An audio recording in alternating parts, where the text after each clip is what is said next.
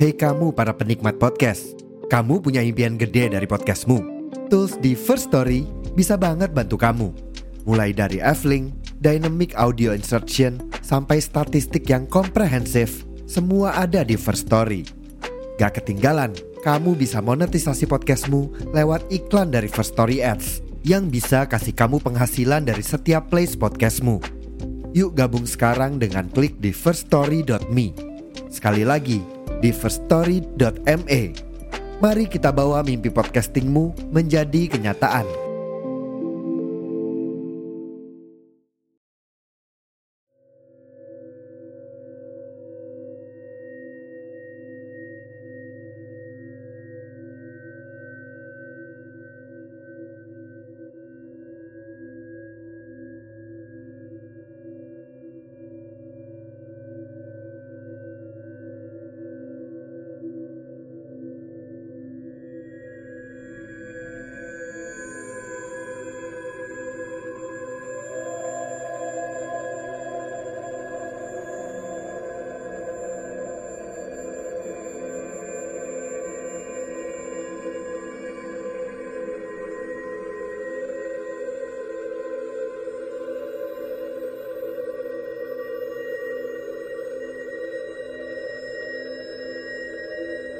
Halo listener podcast Maskur, kembali lagi bersama kami, saya Rayhan Alif.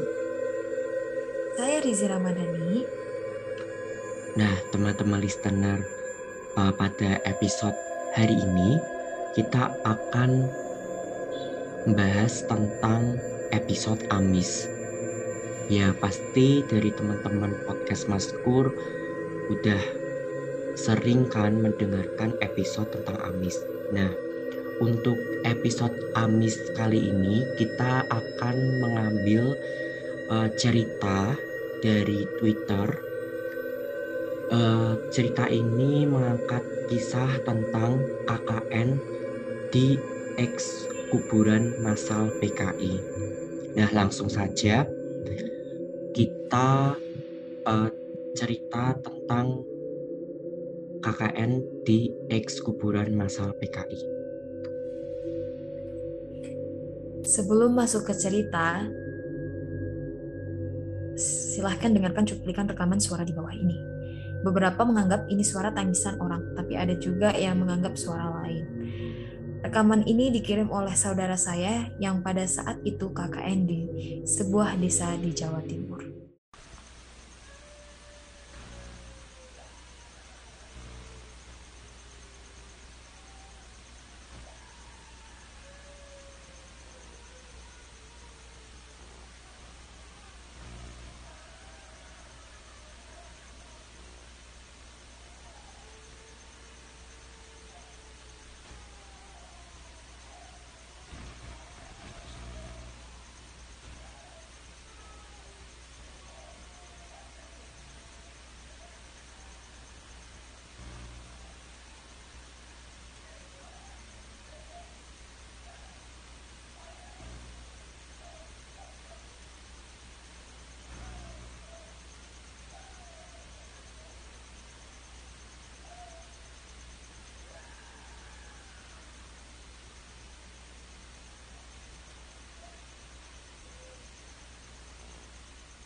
Cerita akan saya bagi dua bagian. Bagian pertama adalah urban legend dan rakuman-rakuman cerita yang pernah saya dengar mengenai desa tersebut. Bagian kedua akan berisi cerita mengenai kejadian-kejadian yang dialami saudara saya saat KKN di desa tersebut.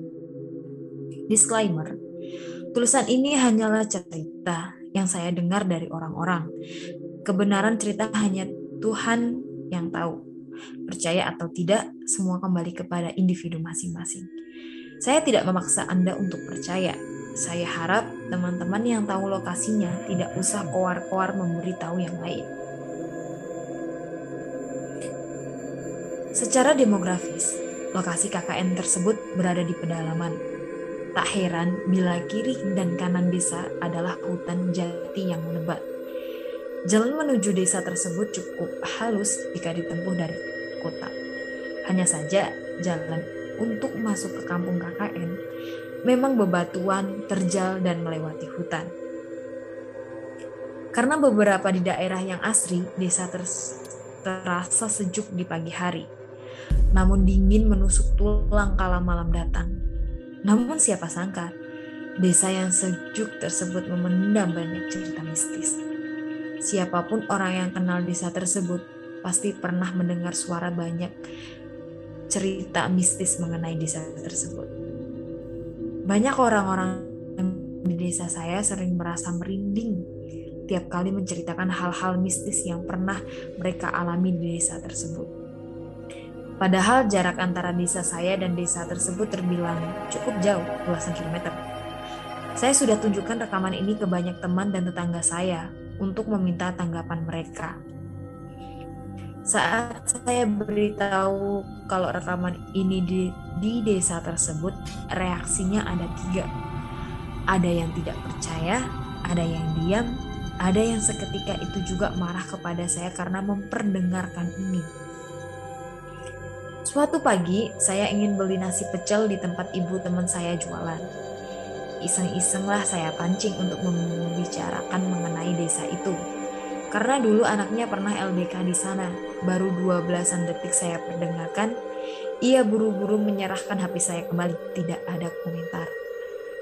Beliau hanya bilang, wes wes, udah aku merinding iki loh. Yang artinya, sudah-sudah, saya nggak mau dengar, merinding ini loh. Padahal ini masih pagi, pukul jam 7. Saat saya tanya ada apa di sana, ia hanya menggeleng, membuat saya sendiri semakin penasaran. Pada tahun 2013, hutan di desa tersebut sempat heboh hingga masuk media nasional karena ditemukan mayat yang tewas secara misterius, laki-laki, perempuan, dan anak kecil. Namun sekarang sudah terungkap, ternyata mereka tewas diracun. Apakah ada hubungannya dengan cerita saya nanti? Entahlah. Puluhan tahun sebelum itu, terjadi peristiwa berdarah di desa tersebut, dan sekitarnya yang salah satunya adalah tragedi pembantaian PKI. Banyak kuburan massal di desa tersebut yang sampai saat ini diyakini banyak tersebar dan belum diketahui keberadaan pastinya. Kabupaten ini memang terkenal dengan tragedi PKI. Itulah kenapa terdapat minuman PKI di desa tersebut. Di desa tersebut. Bagian pertama, Urban Legend. LDK SMP. Sekitar tahun 2012, sekolah teman saya, sebut saja S, mengadakan LDK, latihan dasar kepimpinan. Acara ini seperti acara tahunan untuk menyambut siswa didik baru Teman saya S menjadi OSIS sekaligus senior di acara tersebut. For your information, saat itu S masih SMP kelas 2. Singkat cerita, pihak sekolah memutuskan untuk menggelar acara LDK di desa itu. S beserta OSIS-OSIS lainnya tiba lebih dulu di lokasi sekitar pukul 11 siang. Salah satu acara LDK adalah penjelajahan menyusuri hutan pada malam hari. Itulah kenapa mereka diberangkatkan awal. Mereka diminta untuk menyiapkan lokasi untuk guru serta siswa baru, termasuk menyiapkan trek penjelajahan pada malam harinya. Saat saya mengatakan penjelajahan di hutan, maksud saya benar-benar di hutan, tidak melewati jalan setapak pemukiman. Hutan namun karena trek penjelajahan menanjak, maka samar-samar jalan raya masih terlihat dari ketinggian bukit. Sekalipun di hutan, trek terbilang cukup dekat dengan pemukiman jalan raya. Jarak penjelajahan pun tidak terlalu jauh, sekitar satu kilometeran. Ada enam pos yang tersebar di tengah hutan. Estimasi jarak antara pos adalah seratusan meter. Beberapa lebih dari itu, hanya jarak dari kampung ke pos dua cukup jauh.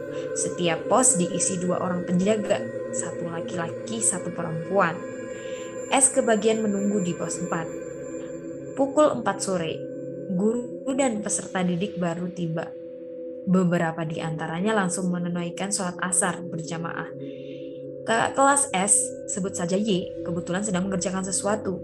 Ia tidak bisa ikut. Ia akan menyusul setelah sholat jamaah selesai. Jamaah segera berhamburan ke kegiatan awal.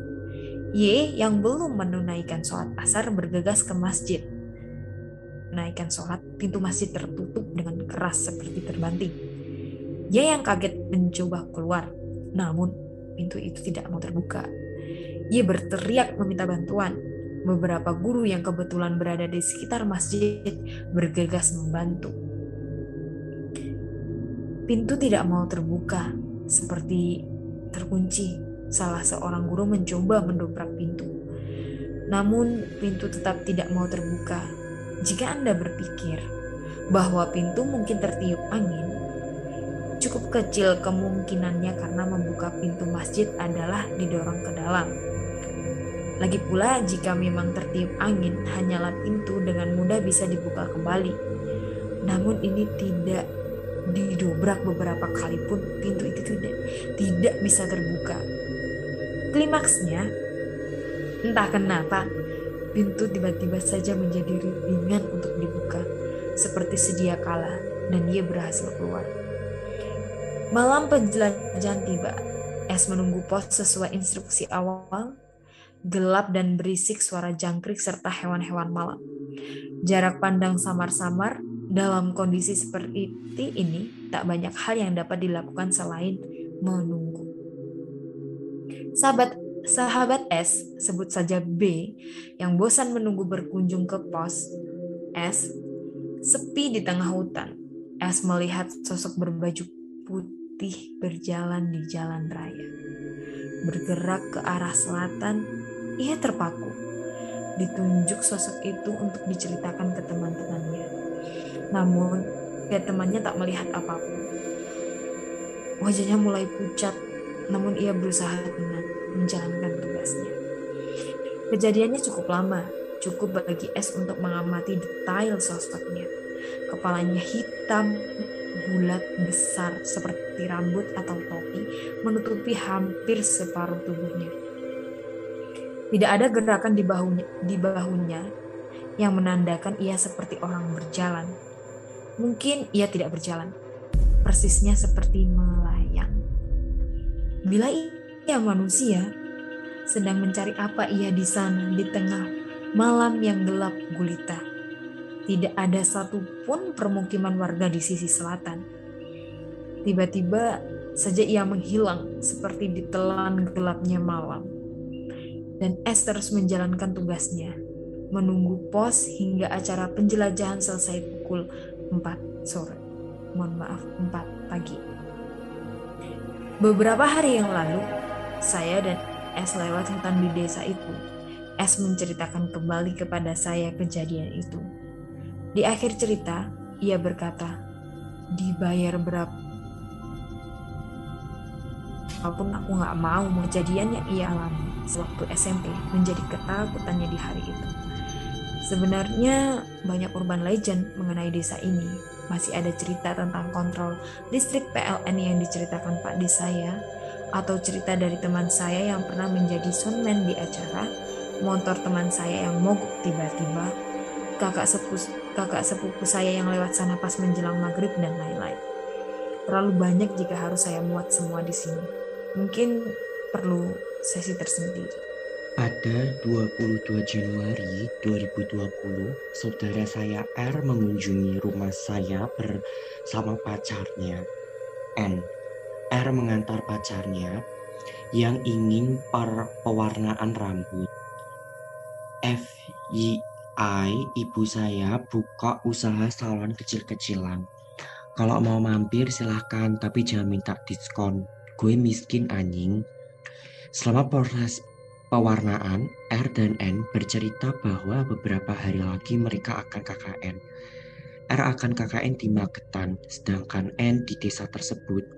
N bertanya kepada saya, apa saya urban legend mengenai desa itu?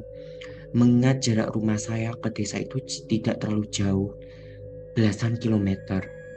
Saat itu saya jawab dengan bercanda bahwa di sana tidak ada apa-apa, aman. Yang penting jago sopan santun. N yang tidak percaya mendesak saya untuk memberikan jawaban yang serius. Saya tetap menjawab tidak ada apa-apa sambil mengalihkan pembicaraan. R memotong pembicaraan. Ia bertanya kepada saya di mana cucian motor dekat rumah saya. Ia melempar kunci kepada saya sambil berjalan keluar mendekati motor. Saya paham, ini kode lelaki. Ia ingin berbicara empat mata dengan saya tanpa melukai perasaan pacarnya. Selama perjalanan, R bertanya dengan serius. Saya jawab sesuai urban legend yang saya tahu. Saya ceritakan tentang LDK, teman saya, tentang kisah kontrol lapangan PLN yang diceritakan Pak D saya, hingga tetangga saya yang paranormal yang bahkan senggan untuk menyebut nama desa itu. Cerita tentang PLN dari Pak D sengaja tidak saya muat di Urban Legend karena narasumber sulit dijangkau untuk mengkonfirmasi cerita. Saya tidak mau memuat cerita jika narasumber tidak valid. R kemudian cerita mengenai temannya yang temannya N yang tersesat di hari pertama KKN di desa itu. Selepas poker, sekitar habis maghrib, temannya N, sebut saja X, ingin pulang ke kota. Dalam percakapan WA, X berkelakar bahwa ia ingin melihat siapa penunggu di sini. Hanya ada satu jalan dari posko menuju jalan raya. Jika jalannya halus dari posko ke jalan raya, bisa ditempuh kurang dari 10 menit. Namun, karena jalannya hancur, maka butuh sekitar 20 menit. Dalam kasus X, selama 20 menit perjalanan menuju jalan raya, X merasa bahwa ia terus-menerus melewati tempat yang sama. Harusnya 10 menit adalah waktu yang cukup untuk sampai jalan raya, mengingat jaraknya dekat. Tentunya X panik, ia menelpon temannya, meminta petunjuk arah. Teman-temannya bingung bagaimana X bisa nyasar. Jalan dari posko ke jalan raya hanya ada satu, tidak ada persimpangan, pertigaan, atau bahkan perempatan. Temannya tentu memberi petunjuk untuk tetap mengikuti jalan. Namun sepertinya sia-sia. X tak kunjung sampai jalan raya. X justru bingung kenapa ia bisa sampai kawasan ladang yang dipenuhi tumbuhan ketela.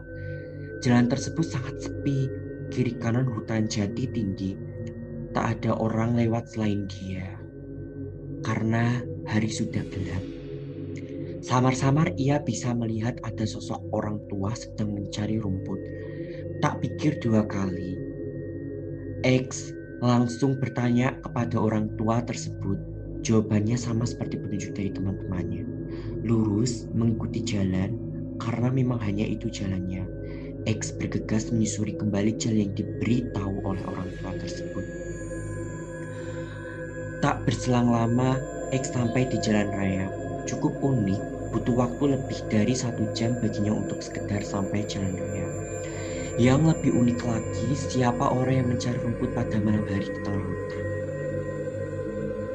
R bercerita lagi mengenai peserta KKN gelombang 1, FYI, R, dan N KKN gelombang 2. Peserta KKN gelombang 1 yang berada di sekitar desa itu ada yang kesurupan, saat kesurupan dia menari layaknya seorang penari, persis seperti cerita KKN Desa Penari.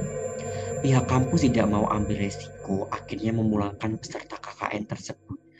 Cerita ini sangat sulit dipastikan kebenarannya. Konon karena dirahasiakan dan ditutupi. Satu hal yang mengarah kepada validasi Cerita ini adalah bukti bahwa ada satu mahasiswa yang dipulangkan dari program KKN persis di sebelah desa itu. Keterangan mengenai kenapa mahasiswi tersebut dipulangkannya itu yang masih menjadi tanda tanya. Semua tutup mulut, termasuk rekan angkatannya. Singkat cerita, sebelum R dan N pulang, saya hanya berpesan untuk selalu jaga anggah sopan santun di mana pun berada. Selama kita sopan, insya Allah aman. Setelah itu saya dan R tidak pernah komunikasi untuk membahas KKN. Hingga beberapa hari yang lalu, awal Maret 2020, R menelpon saya malam-malam sekitar pukul 11 malam. Tanpa mengucap salam seperti biasanya, R dengan nada marah bertanya, Jane enek opo ning desa kuwi? Sebenarnya ada apa di desa itu? Saya tanya balik, Memangnya kenapa? R bercerita bahwa hampir setiap tengah malam pacarnya dan teman-temannya yang yang KKN di sana mendengar suara tangisan orang terseduh-seduh diiringi suara gonggongan anjing menyalak-nyalak. Dalam Islam ada dalil yang mengatakan bahwa jika di malam hari anda mendengar anjing menggonggong tanpa sebab, maka anjing tersebut sedang melihat sesuatu yang tidak Anda lihat. Lalu apa yang sedang dilihat anjing-anjing di sekitar posko? Apakah ia sedang menangis? Itu saya tidak tahu. Esoknya setelah N dan kawan-kawan mendengar suara tangisan, mereka bertanya ke penduduk sekitar sekitarnya. Jawaban mereka adalah, "Loh, masih ada toh." Hehehe, jawaban macam apa ini? Selain suara tangisan, tiap pagi menjelang subuh sering terdengar suara langkah gerombolan orang mengitari kampung tersebut, eh kampung tempat mereka tinggal. Jumlah mereka banyak, tidak jelas arahnya. Pernah suatu malam salah satu teman R disebut saja Z merasa bosan di kamar. Ia berjalan keluar kamar sekedar mencari udara segar. Baru sampai ruang tamu ia dikejutkan oleh sosok bayi yang baru belajar bela, belajar berjalan. Itu bukan bayi biasa. Oh, wajahnya hancur tak berbentuk. Z yang kaget kaget langsung berteriak sembari berlari menuju kamar malam, kamar lagi.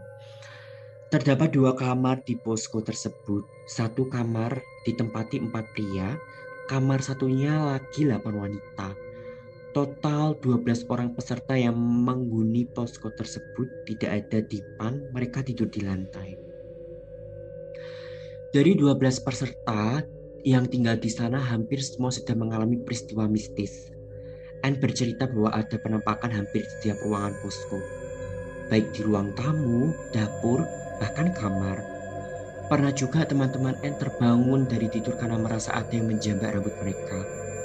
Ada pula yang dicubit, bahkan ada yang tertarik, bahkan ada yang ditarik kakinya. Siapa pelakunya? Entah, tak satu pun dari mereka juga tahu. Ada lagi cerita peserta KKN saat mengadakan sosialisasi pembuatan produk kepada warga sekitar desa. Agenda dilaksanakan di malam hari, selepas isya. Setelah setelah selesai acara, pemateri yang diundang oleh peserta KKN dijemput oleh anaknya. Teman N, sebut saja SS, melihat dengan jelas anaknya, hmm, pemateri membonceng pocong. SS mengatakan bahwa anak dari pemateri tersebut membonceng pocong sepanjang perjalanan dari jalan raya hutan ke balai desa. Ngeri ya. Ada juga cerita saat Anne sedang tiduran dengan posisi miring saat subuh. Anne melihat dengan jelas sosok berwarna hitam berlari tepat di depan matanya. Ia bertanya kepada teman-temannya, Tak ada satupun temannya yang lewat di hadapan N. Lalu siapa yang baru saja lari lewat di hadapannya Entahlah. Wow. Saya memang kurang antusias dengan saya memang kurang antusias dengan cerita seperti ini menyiapkan saja cerita-ceritanya. Sesekali saya ingatkan untuk tetap tenang. Saya juga meminta R untuk menyampaikan ke N agar merekam setiap kejadian yang dialami. Esoknya, R mengirimi saya rekaman yang diambil N setelah saya dan R teleponan semalam. Hasilnya Anda bisa dengar sendiri di atas tadi. Rekaman tengah malam tanggal 26 Februari 2020. N bilang, R bilang, N cukup trauma dengan kejadian-kejadian tersebut. Cerita yang R dengar adalah cerita lama dari N. Di awal KKN. N tak berani menceritakan apa pun yang dia alami sebelum KKN selesai. Dan ia sudah meninggalkan posko tersebut. Jadi bisa dibilang masih ada cerita lain yang belum diungkapkan. Sekali lagi, ini adalah rangkuman cerita dari apa yang saya dengar, bukan saya saksikan sendiri. Terlepas dari benar atau tidaknya, hanya Allah dan narasumber yang tahu.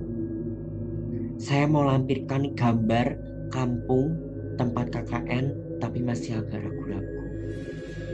Nah, selesai.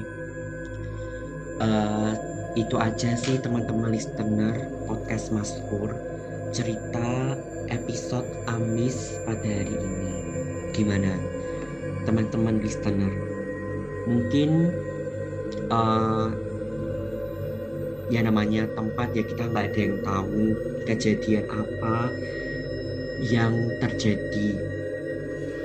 Karena apa ya memang dari cerita ini tuh di mana pun kita berada kita memang harus yaitu sopan santun harus jaga sikap apalagi kita di tempat orang KKN gitu jadi teman-teman listener mungkin yang bentar lagi mau KKN terus dengerin episode hari ini uh, jangan takut ya aku juga bentar lagi mau KKN gitu. Ceritanya agak mirip kayak episode Amis waktu aku dan kamu yang ngisi ya ya juga tentang iya, PKI hmm, di mana pun benar, PKI benar. ada berarti PKI itu emang di mana-mana ya pembantaian PKI itu pembantaian masal-masal kayak gitu. Jadi iya. mungkin uh, horornya itu karena mungkin ada arwah-arwah yang masih iya bergan bergentayangan masih penasaran kayak gitu ya. Ya tapi kita tetap harus berdoa di mana pun kita berada. Yang mau KKN jangan lupa seperti yang di tweet tadi masnya cerita unggah-ungguh tetap dijaga sopan santun harus berdoa di mana pun kita berada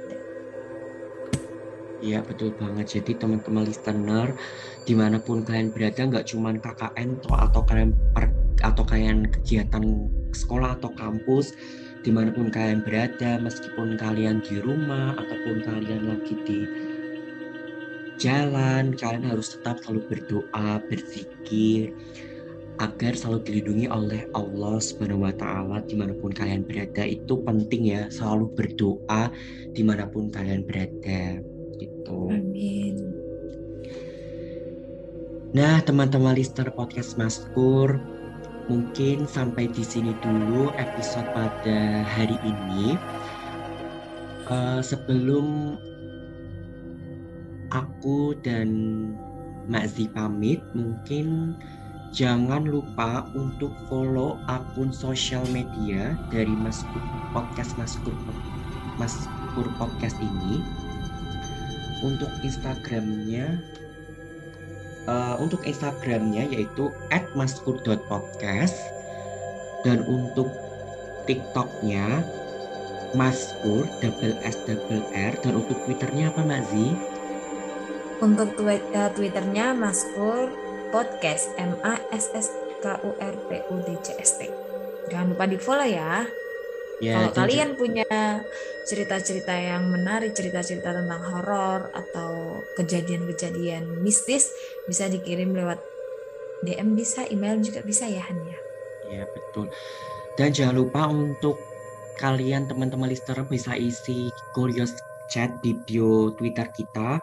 Kan bisa memberikan saran atau uh, kritikan tentang episode hari ini atau episode-episode yang ingin kita unggah di episode-episode selanjutnya. Itu ya teman-teman. Nah teman-teman uh, mungkin cukup sekian dari saya, uh, aku Raihan dan Makzi. Sebelum apa ya kita tutup. Mungkin Makzi bisa kasih quote sedikit untuk episode hari ini. Puas untuk hari ini oh, meskipun horor ya. Quotesnya menyer uh, apa ya? Apa ya Han? Kita bikin post apa horor atau apa nih? Ya dari cerita ini pesannya apa yang ingin Mak sampaikan oh, ke teman-teman? Pesan oke okay, pesan yang ingin aku sampaikan kayak tadi di mana pun tempat kita berada kan kita uh, hidup berdampingan ya dengan uh, dengan makhluk-makhluk yang tidak terlihat oleh mata telanjang kita. Dan di mana pun kita berada kita harus tetap berdoa menjaga sopan santun. Di, kalau di saat kita apa ya lagi nggak suci bagi perempuan jangan buang uh, barang itu ke tempat yang tidak sesuai. Jadi kayak harus memang harus dibungkus uh, sebersih apa pun. Karena kita kan nggak tahu ya uh, makhluk-makhluk astral apa yang uh, ada di situ. Jadi kita untuk memproteksi diri kita juga harus berdoa. Kita juga harus uh, apa ya ramah lingkungan juga. Gitu sih kalau dari Rehan ya kalau dari aku menambahkan sedikit, kalau masih kan kita harus selalu berdoa. Nah kalau kita, kita nggak boleh takut sama hal-hal kayak gitu. Kita harus punya menanamkan ke diri kita kalau derajat manusia itu lebih tinggi daripada eh, hal-hal yang seperti itu ya. Dan kita harus tanamkan ke diri kita kalau Allah itu akan selalu melindungi kita, selalu menjaga kita, dan akan selalu menolong kita di mana pun kita berada.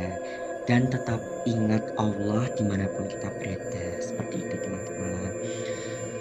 Oke teman-teman listener podcast Maskur Terima kasih udah mendengarkan episode hari ini.